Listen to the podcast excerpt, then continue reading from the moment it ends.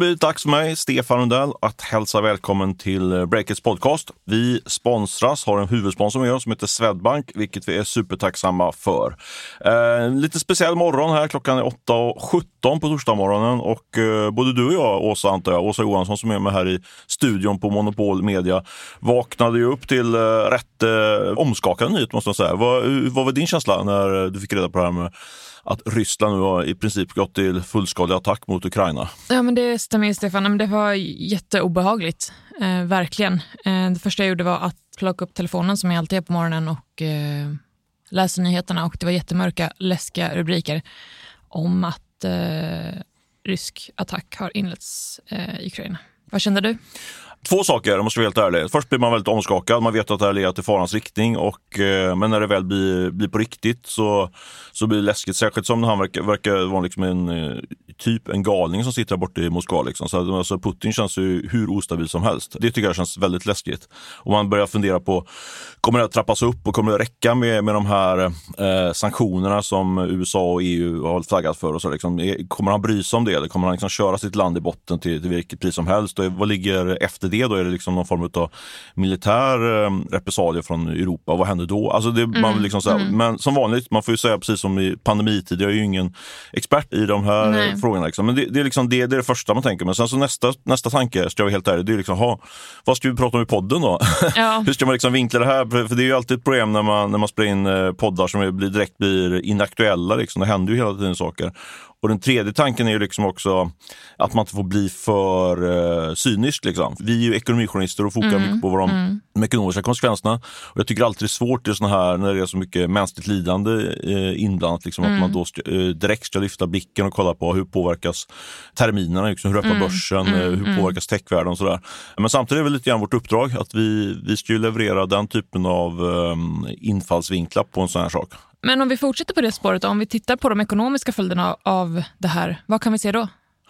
Ja, får man också vara väldigt ödmjuk och säga att eh, jag har ingen aning. Jag såg, eh, det var någon expert här som, sa, som brukar uttala sig väldigt kategoriskt som sa, jag har ingen aning vad som händer nu. Men med det sagt så ser, kan man ändå se i korta perspektivet så är det ju, är det ju såklart eh, nattsvart börsen, men, mm. men sen så är det ju alltid så här med börs och ekonomi att eh, man prisar in saker och ting. Mm. Eh, alltså, så, så det känns som att börsen har ju liksom väntat på det här, att, att det ska ske någon form av upptrappning. Liksom. Så jag tycker att det är två delar. Börsen lever sitt eget liv på något sätt och de ligger alltid framkant i, i händelseutvecklingen. Men det som, är, som jag tycker, om jag får sätta på mig liksom entreprenörshatten, eh, ja. så hade vi liksom jag var inte med själv, men min fru som är med och representerar mig, eller representerar oss, familjen Lundell i Breakits styrelse. Vi hade styrelsemöte igår och eh, Camilla Bergman redovisar superfina siffror. Det ser jättebra ut inför för oss nu. Vi säljer jättebra. Sådär. Kul! Ja, det är jättekul. Men då blir, om man nu, nu är det, känns jag ute på liksom så här, tunn lina här, eller hal is eller vad det heter. Alltså, cynism versus ja. liksom, mänskligt ja. lidande. Men liksom, då måste jag helt ärligt erkänna att, liksom, att då börjar man fundera på,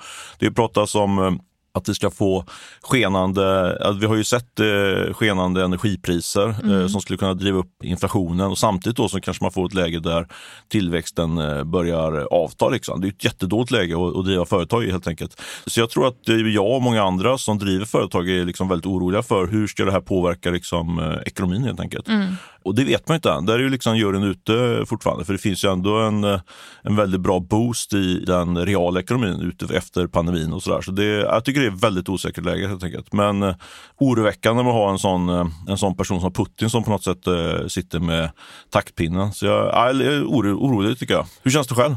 Nej, men det känns ju såklart inte bra alls. Det här. Eh, jag tycker att det är jätteläskigt. Nu är jag inte entreprenör. Jag har inte heller någon koppling till det området där det här sker, men det är ju såklart fruktansvärt. Och sen hur ekonomin påverkas av det här, det får vi ju se, som mm. du säger. Och Det känns som att det är otroligt oförutsägbart vad som komma skall nu. Du har ju tidigare sagt i podden att du ska gå in på börsen. Har du gjort slag av det eller blir du mer sugen på att gå in på börsen nu jämfört med tidigare? Jag kommer inte gå in på börsen just nu. Okay. Nej, men med det sagt så när jag väl börjar så blir det mer Alltså för att lära mig. Och eh, jag börjar liksom med små summor. Så att jag skulle inte tänka att nu är det investeringsmöjligheter i det här. Det, nej, det skulle jag nog inte klara av. Man ser ju historiskt sett har det faktiskt varit, äh, än en gång, jag får ändå lägga på den här reservationen, att det känns, det känns lite, mm, lite um, snaskigt att sitta och prata om ekonomi och börs och hur, går, hur går det när det samtidigt är ett fullskaligt krig på väg in i Ukraina. Där. Men, men det finns ju liksom uh, historia som visar att det är ganska bra och uh, så att säga buy the invasion, alltså när, köpa när, när, när det händer en sån här sak. För att, mm. Historiskt sett har det stuckit Jag såg, jag såg någon podd här som Phil och Kill-podden, de hade den som rubrik Buy the invasion. Ja, vi får se men du vilar på hanen kan man säga. Ja, eller nu blir det här väldigt personligt, men det, det, när det är ett så svårt läge för så många människor så kan jag inte tänka på hur kan jag tälja guld på det här. Det kan jag inte göra. Det hedrar Rosa, det hedrar dig. Ja, tack. ja, som du säger, det är, det är en svår balans det här. Men om vi ska spinna vidare på, på de ekonomiska följderna. Vi snackade ju igår om något eh, som kallas för margin calls. Och vi har ju koll på det här, men vi kanske ska bara dra lite snabbt vad det är för någonting om det skulle vara som så att det är någon lyssnare som inte är helt och hållet säker. Vill du förklara? Ja men absolut. Eh, och anledningen till att vi tyckte att det var intressant med morgonkost, det är, och det är koppling. Jag tror att det är ännu mer aktuellt idag än det var igår kan man säga, när vi, när vi att vi skulle snacka om det. Nej, men Margin Calls, det dels är det en väldigt bra film. Eh, jag vet inte om du sett den? Den var ju Oscars-nominerad för eh, sitt manus. Har du sett filmen? Jag har inte sett filmen. Då kan jag rekommendera den. Mm, tack. Det är liksom, handlar om, om en investmentbank som hamnar i ett så kallat Margin Calls. Och ett Margin Calls är, är ju då att man köper en massa aktier mm. och sen så belånar de aktierna och sen så börjar aktierna gå ner och eh, de går ner under det värdet som du har belånat dem på. Mm. Eh, och då ringer banken och säger du måste du sälja aktierna för att du i alla fall delar av ditt aktieinnehav får du liksom förminska en riskexponering. Ja. Så man kan ju eh, ta det som exempel med, med om man har belåning på ett hus och så har man belånat det till 80 procent och sen så går värdet ner till med, med det är bara värt ungefär 50 procent mm. Ja, men då måste du liksom chippa in, sälja aktier så du kommer, kommer ner till, till en, så belåningen bara blir inte blir så hög längre helt enkelt. Hängde du med där? Ja, jag hänger med. Ja, jag hänger med absolut. Och det där är ju någonting som, eh, som vi har börjat se nu faktiskt. Det var ju väldigt intressant. Eh, I tidigare veckan så var det ju den här, de här smarta lamptillverkarna, Plaid, som är en het aktie på Stockholmsbörsen. Mm, men precis. En av grundarna, Erik Kalisendorf, han gick faktiskt ut i ett pressmeddelande och sa att han hade tvingats sälja ungefär 10% av sitt innehav och hänvisade just då till, till sådana här margin calls. Att mm. han, eh, han helt enkelt hade belånat sina aktier ganska kraftigt. Aktien har gått ner och han var då tvungen att sälja av. Och det där tror jag eh, var aktuellt eh, när vi snackade om det igår och ännu mer aktuellt idag mm, när börsen mm. Eh, går ner ännu mer och vi går in i ett jätteosäkert läge. Då kommer vi från en verklighet där många utav av de svenska techbolagen har gått ner så 30, 40, kanske 50 procent de sista tre månaderna. Okay, men tror du då att vi kommer få se fler sådana här margin calls bland techbolagen? Jag tror faktiskt det. Jag tror att det finns en risk att, eh, att det eh, sitter många där ute som är rätt svettiga. Liksom. De har, eh, jag snackat, jag med folk som, som liksom beskriver en situation att du, att du har ett techbolag eh, som inte gör så stora vinster och inte därmed gör så stora utdelningar, eller inte mm. kan göra utdelning. Mm. Sätter bolag på börsen och sen vill du då, det kan också vara faktiskt eh, att du har det att du inte ens har satt bolag på börsen utan du har, du har bara ett innehav, ett stort innehav, 30 procent i techbolag som är onoterat eller noterat. Eh, och sen vill du då sätta guldkant på tillvaron och, och casha in lite grann bakvägen kan man säga. Ja. Köpa ett fint hus eller något liknande. Och höjer då belåningen eh, och sen så rasar värdet på, på ditt techbolag med kanske 50 procent. Ja, men då är det absolut en risk att, eh, att banken eh, hör av sig. Då. Eh, det där kan ske både den onoterade och noterade värden. Och vi, det här är ju väldigt känsligt att peka ut bolag och sådär. För det skulle jag vara tydlig med att jag har ingen aning vem som sitter med Svarte Petter där så att säga. Utan det, det vet jag inte. Går det att spekulera? Spekulera går ju alltid. Och ett sätt att spekulera är att titta på bolag som har fått kraftiga sättningar på börsen eh, och som inte då har utdelning och, sådär. Eh, som fortfarande kanske torskar pengar. Eh, vi gjorde en snabb titt på liksom de, det som vi brukar kalla lite break-it-bolagen. Mm. Om jag bara ska rabbla upp några, några namn här då. Så ja, med, med reservationen för att jag har ingen aning om vad det dåligt till. Men det skulle kunna vara att, det, att där skulle kunna uppstå situationer. Storytel med Jonas Tillander, Truecaller med Allan Mamedi, mm. vdn där. Uh, Humble Group uh, med vår kära tandborstkungen Noel Abdayem och sen har vi Checking som varit en sån riktig, riktig raketbörsen som nu har bara totalt säckat ihop. Där har vi Kristoffer Kassel som är grundare tror jag. Och sen slutligen eh, ett bolag eh, som man skulle kunna peka ut är ju Embracer där vi har faktiskt en av Breakers investerare, Lars Wingefors, är ju vd och, grundare i Embracer. Ingen aning om de ligger i men det man kan se är att eh, kurserna kursen har gått ner väldigt kraftigt på, i många av de här bolagen. Embracer kommer en stark rapport här i, i veckan så det kanske inte riktigt passar in här. Men ja, vi får se. Alla där har du liksom, är ju mm. entreprenörerna stora ägare i mm. och eh, kanske har de belånat sig. Jag vet mm. inte. Vad tror du? Oh, jättesvårt att ja. säga. Jag tänker på det temat när vi satt och snackade om det här igår. Då drog jag mig till minnes att eh, i finanskrisen, då var det ju, man kan säga nu i, i den här krisen så, det, så snackas det mycket om att eh, det brukar alltid vara någon gubbe oftast, någon stor person, någon mm. finansperson som, som faller när, när det kommer eh, börskriser. Eh, och eh, Mats O Sundqvist är väl det tydligaste exemplet i förra, förra krisen som eh, höll på att sänka Carnegie Bank var det, och eh, sänkte sig själv kan man säga. Eh, tvingades, tvingades sälja av en massa och göra en uppgörelse med sin bank. Så nu är det mycket fokus på att många tror att det är fastighetsmagn, någon av de här fastighetsmagnaterna som har, fått, som har ja. skapat orörda värden. Men kanske det är någon istället någon i i det här segmentet som vi, som vi bevakar, techsegmentet. Uh, och men, men, som sagt, det är alltid, o, alltid svårt att veta vem det, är, vem det är som kommer att ryka. Det är också väldigt känsligt att peka ut någon eh, än en gång. Och jag tänkte just på det här när vi, när vi satt och filade på det här igår. Torsten Jansson, känner du till honom? Torsten mm, Jansson? Absolut. New Wave-grundaren. Han var på ja. ett av våra event faktiskt. Bohuslänning gillar mig eftersom jag själv är bohuslänning. Men faktum är att jag och Torsten har haft en, vad ska man säga, en, en lite speciell relation. Jag har skrivit väldigt mycket artiklar om honom när jag var på Dagens Industri. Jag blivit lite, var lite något av Torsten Janssons hovreporter skulle man säga, men lite elak mot mig. Ja.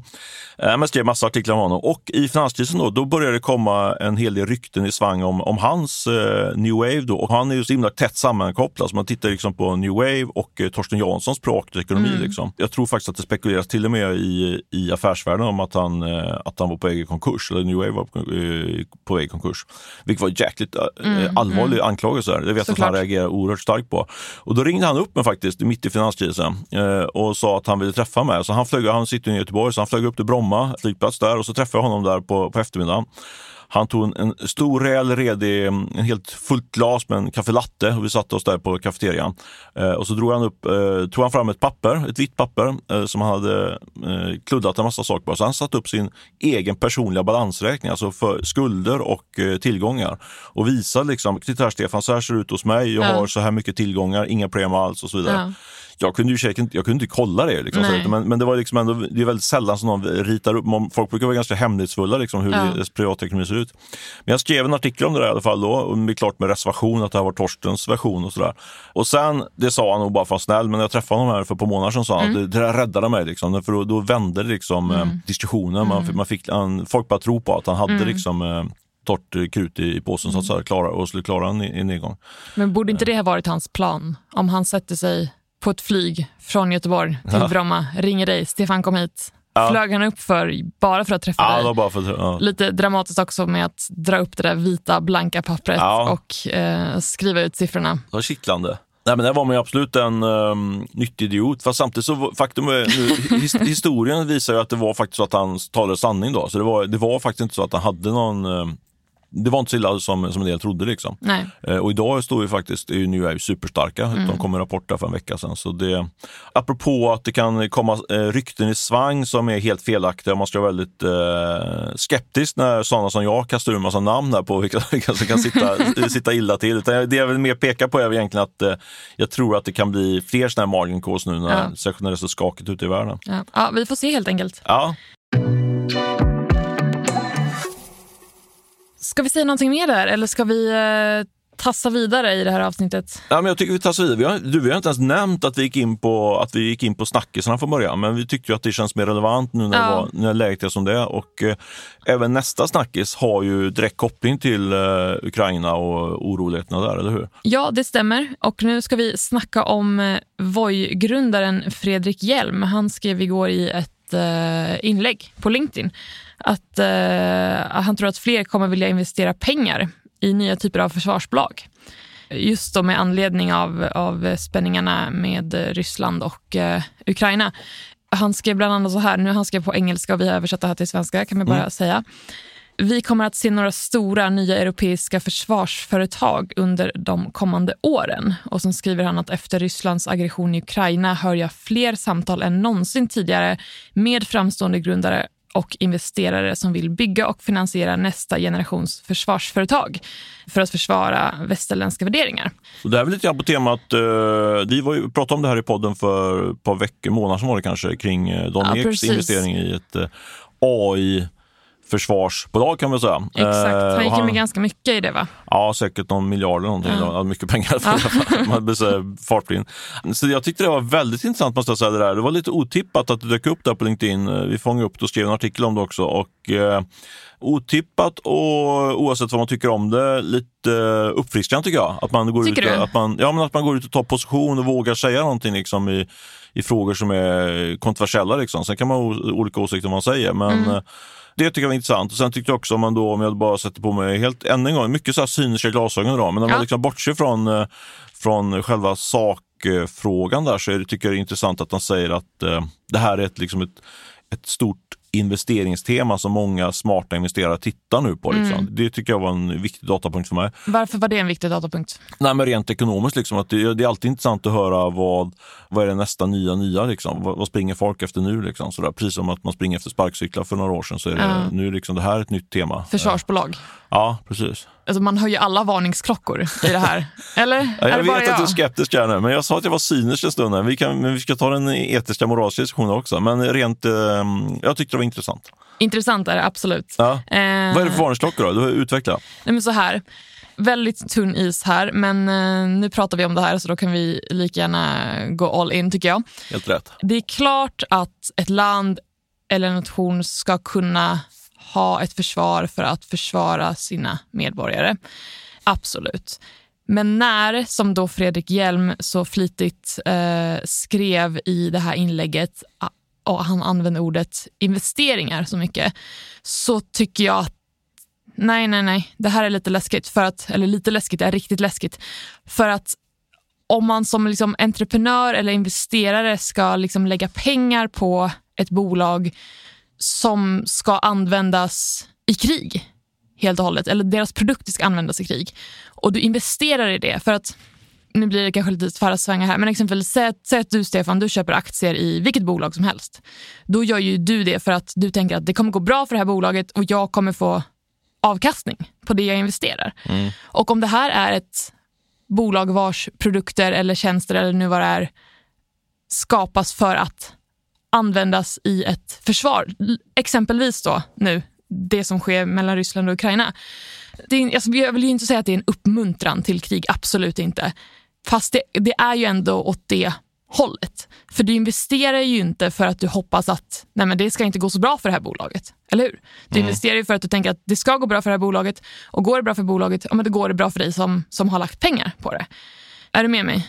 Mm, ja, ja, kanske. Jag, vet, jag försöker tänka på från olika håll. Liksom. Jag tänker att eh, det sticker såklart i ögonen att man tjänar pengar på krig. Liksom. Eh, det är ju självklart. Men samtidigt tänker jag, om jag läser in Fredrik Hjelmer så är det lite grann att, man ska, att det gäller att, eh, liksom att, att väst på något sätt eh, steppar upp här och, liksom, och, och tar fighten med eh, med, som jag tycker, eh, den onda eh, Vladimir Putin. Liksom, mm. att, eh, nu säger jag det här som, eh, inte pacifist, men jag gjorde vapenfri tjänst. Jag är verkligen mm. kille som är... Men jag tänker, man, drar till sin spets. Man liksom, det, det är ju en risk också om man... Eh, det är ett ansvar också att säga att man inte ska agera. Så, så, det, så, det, så nu säger jag inte att du inte säger att man ska agera, men liksom, jag, tänker, jag, tycker det är lite, jag tycker det är krångligt det här. Men jag tycker att eh, och jag, men jag tycker ändå att det kommer ett nytt läge nu, liksom, att det krävs eh, att man står upp på något sätt liksom, för att det inte ska eskalera på något sätt. Men sen, mm. exakt hur det ska göras vet jag inte. För samt vill Nej. man inte såklart att det ska bli, ja, man vill inte ha ett krig i Europa liksom, på det sättet såklart. Men jag menar, jag tror att om jag läser in Fredrik Hjelmer är det ju liksom att man,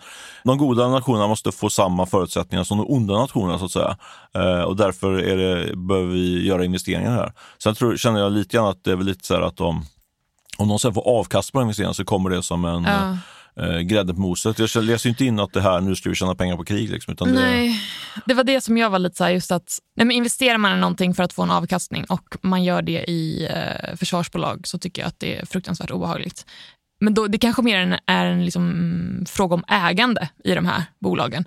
För säg att okej, okay, det är statliga bolag och man gör det här för att liksom kunna stå upp för sin nation, sitt land, sitt folk och så vidare. Mm. Det är en sak, men så fort det finns ett, in, alltså ett ekonomiskt intresse för att det ska gå bra för det här bolaget, nej, nej, nej. nej.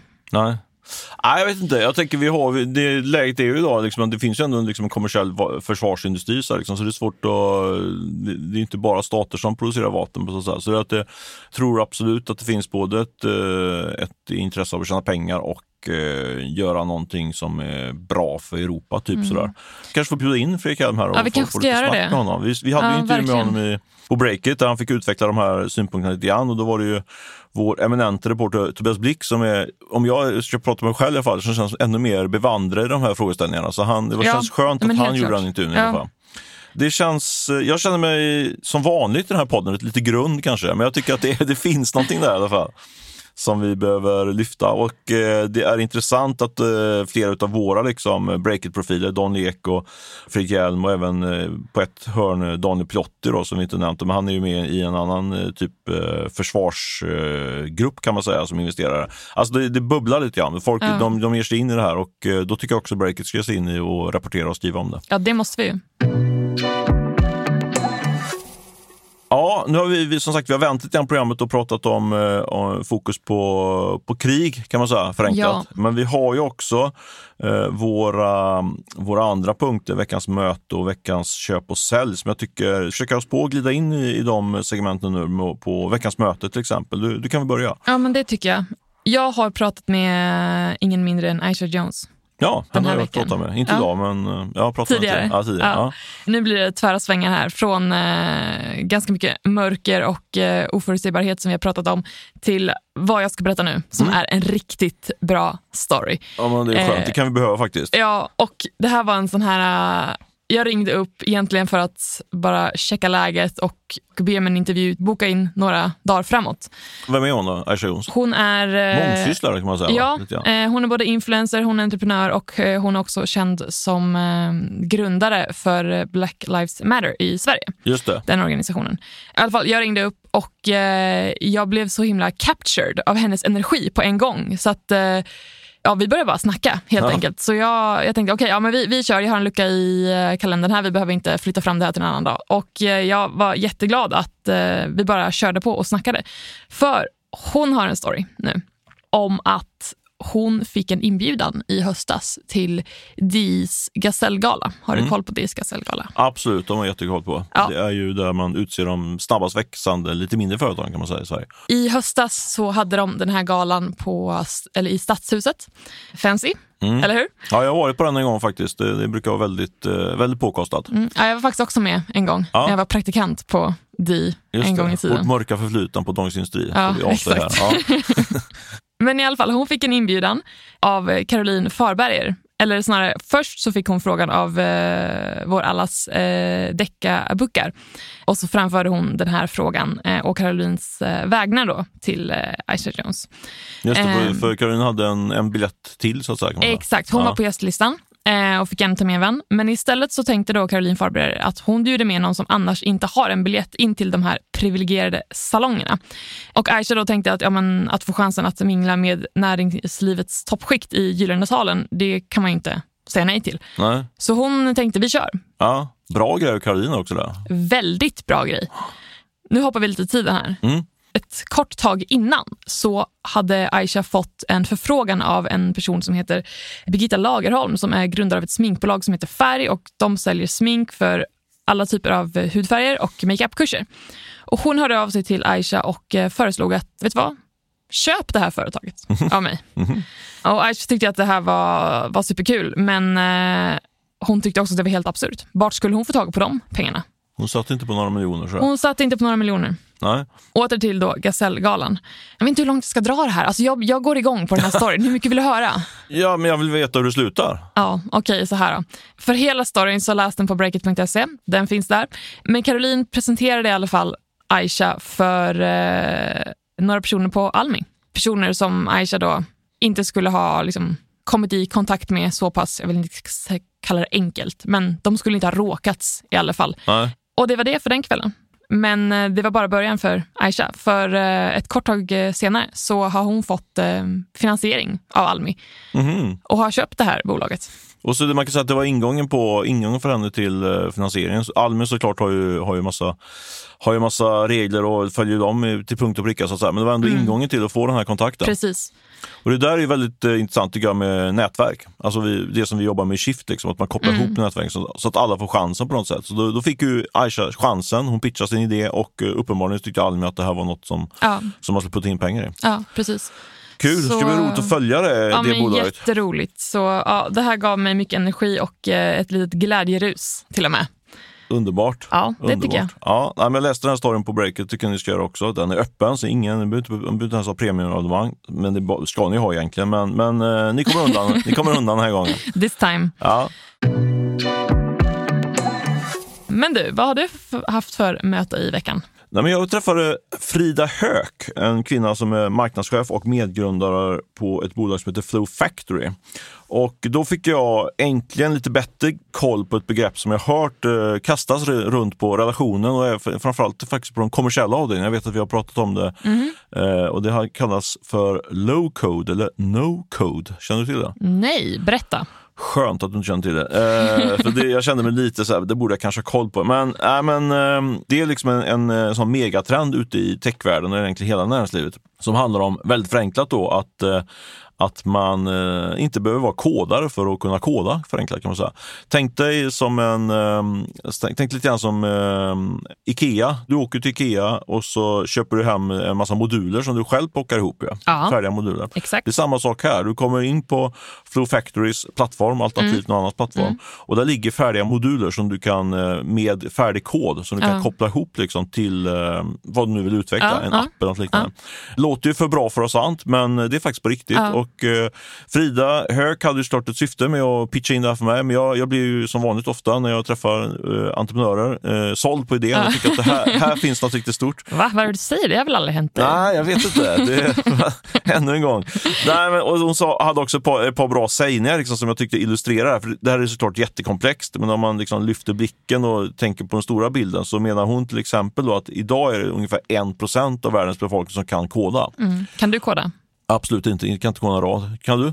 Lite grann faktiskt. Ja, imponerande. Mm. Ja. Nej, det, du, det här är inte för dig idag, men ja, lite ändå tror jag. För jag tror det kan vara bra att ha lite, lite kunskap kanske. Pitchen är så här att 1% av befolkningen kan idag koda och deras eh, mission då är helt enkelt att man ska öka den digitala läskunnigheten, inte den alltså vanliga utan digitala, så att fler mm. ska kunna få komma i eh, åtnjutande av det här. Och det är ganska intressant tycker jag, om man tänker det, drar det om, om det bara är 1 som kan läsa, det blir ju väldigt, det är som typ på 16-1700-talet. Det blir en väldigt elitistisk eh, värld när det bara liksom mm, som, verkligen. Eller sådana som jag som kanske vill dra igång någonting mm. som fattar ingenting av det här. Liksom, så. De är någonting riktigt stort på spåren där och det här växer väldigt fort. Eh, Flow Factory har ökat med 100% omsättning i flera år på raken. De har inte jättemycket, de har fått in tror jag, 10 miljoner ungefär i riskkapital från några rätt tunga investerare och eh, jag tror, misstänker att de ska göra någon större runda här under, mm. under året. Mm. Så det var Frida Höök som fick mig på spåren på det här med low code eller no code som man också kan kalla det. Mm. Eh, kanske något som vi borde skriva om på breaket. Coolt, ja men det tycker jag. Vad är scenariot? Säg att, att man vill öka den här digitala läskunnigheten. Vad kommer det liksom rent praktiskt att leda till när fler har en läskunnighet. Det kommer ju sätta liksom en turboeffekt på hela näringslivet, hela, hela samhället. För idag är det ju en väldigt trång sektor med utvecklare och programmerare. Det, det står ju stampar, liksom. man får inte tag ja. på dem.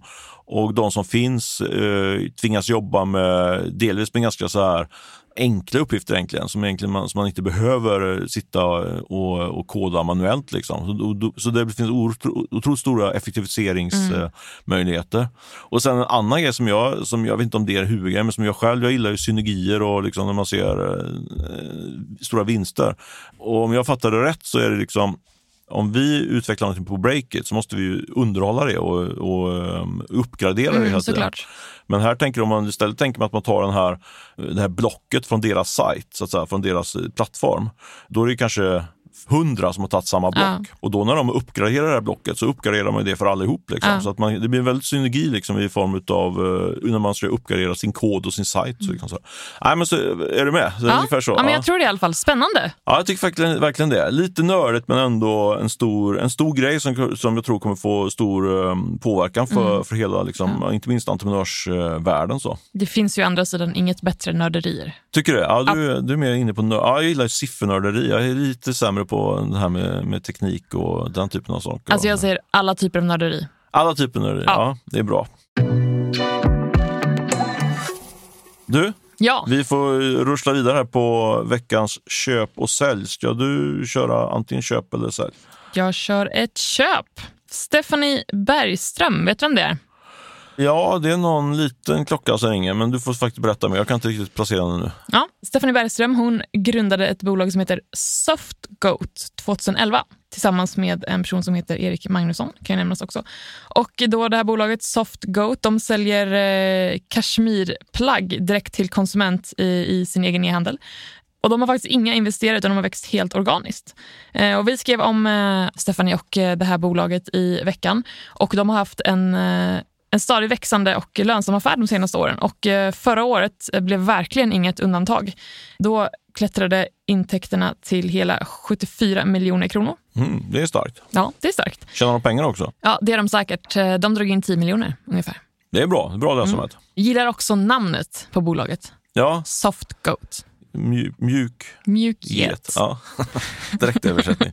Ja, det är bra namn. Det är bra namn. Ja, vad har du för eh, köp eller sälj? Köp har jag en kort och rapp sådan. Jag gillar att hylla andra poddar och jag gillar verkligen, jag har fått en ny favoritpodd som, är, som Decca Abukar kör eh, nu med, som heter Mot alla odds. Ja, Där faktiskt då Aisha eh, var intervjuad, Mm. eh, som vi pratade tidigare. Den var ju väldigt stark intervjun. Hon berättade om en, ett väldigt dramatiskt liv där, som innefattar bland annat att eh, hon funderar på att mörda sin pappas mördare. Jag kan bara säga så, punkt. Och så får folk får ni lyssna vidare sen på ja den. lyssna på det. Och igår tror jag var så lades det ut ett nytt avsnitt med Isabella Löwengrip, vår Mm. allas eh, superinfluencer, eh, som också tycker jag var väldigt bra. Det som är kul med Decca och hennes podd är att, liksom, att det blir mycket mer ett samtal än en intervju. Mm. Eh, så det blir, liksom, bryter, ut, bryter av ganska mycket jämfört med alla andra intervjupoddar. Uh, nej, jättebra helt enkelt. Så jag tycker verkligen ni ska in och lyssna på den. Ni kommer inte bli besvikna. Ni kan ta en av alla, alla fem intervjuerna som har gjorts, gjorts under våren där eh, av Decca. Kör på det. Det är min eh, veckans köp. Det är Decca Bokars podd Mot alla odds. Mm, kul, jag måste lyssna. Bra, bra. Veckans sälj, har du någon sån då? Ja, jag säger Stefan, den här veckan så sälj ditt paddelrack. Om du har något sånt. Jag har inget paddelrack. Du har inget paddelrack? Okej, då kan Jag har vi... padel en gång i mitt liv. Ah, jag också. Mm. Mest för att det Aldrig var mer. på chefens uppmaning att vi skulle testa en bana. Men det var allt. Just det, den på NKs tak va? Exakt, Ja. jag har inte spelat sedan dess. Eh, eh, ja, men den här sporten då har ju hypats upp ordentligt. Eh, det är väl bara få som möjligen kan ha missat att det finns något som heter padel och att det är en redig hype kring det här. Men nu så kan de här glansdagarna vara över för Mm. paddelspelandet. Känns som man har hört det förut. Att det, det är så att vi skrev det rätt tidigt att paddelboomen är över. Så men är, nu händer det på riktigt. Eller? Ja, precis. Vi skrev i, i somras, Ja. tror jag, om det här. Det finns en person som heter Andreas eh, Ernvall. Har du koll på honom? Nej, det är en klocka som ringer också lite Ah. diffus, men jag kommer inte Ja, men han har lite paddelprofil. Han startade sin första paddelanläggning redan 2015. Och nu tror han att det här kommer sluta i absolut förskräckelse. Aha. För han säger så här att, eh, eller han säger inte, men nu sjunker i alla fall spelandet, åtminstone i Göteborg. Mm. Och han menar då att eh, det kan bli en stor utslagning bland hallarna. Eh, och han flaggar för att eh, 70 procent av anläggningarna i Spanien gick i konkurs när paddelhypen la sig där. 70 procent? 70 procent! Oj, det är ju brutalt. ju. Det är brutalt. Ja. Slakt för paddel. Verkligen. Så det var en intressant datapunkt. om Ja. du har ett rack. Vi säljer vårt paddelrack och säljer vår, lägger ner vår, potentiellt vår, eh, vår paddelanläggning. Där jag kommer från Ljungskile, jag tror att det, det är en liten by med 3000-4000 invånare ungefär. Jag tror det finns fem olika paddelanläggningar på gång. Jag kanske enklare, fyra, men det är helt sjukt. Det är, Det det är ju helt sjukt. paddeltätast i Sverige liksom. Det kan ju bara sluta på Herre. ett sätt. Ja, det kan bara sluta på ett sätt. Nej, men bra, jag, jag håller nog med om din sälj där faktiskt. Måste säga.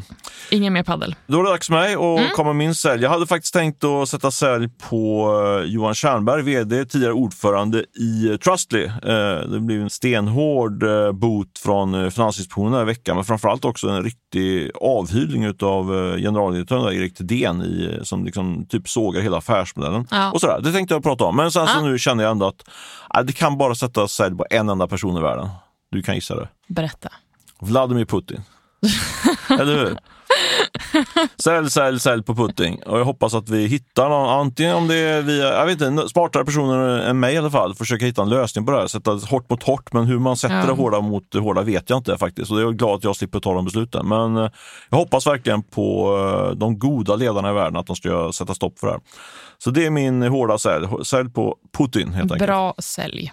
Ja, lite speciellt avsnitt det här eh, Åsa, men jag tycker ja. att det ändå blev ett, eh, får man säga det, ett gött snack. Ändå, gött snack, på något sätt. Ja. Ah, lät lite dumt, men det var Nej. bra snack kan man säga. Bra snack. Bra ja. snack.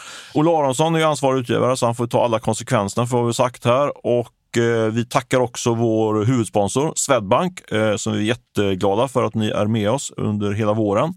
Jag är faktiskt inte tillbaka nästa vecka. Jag är faktiskt på ett sportlov där. Men, mm, skönt för dig. Eh, ja, vi står, vet du var jag ska någonstans? Det vet du va?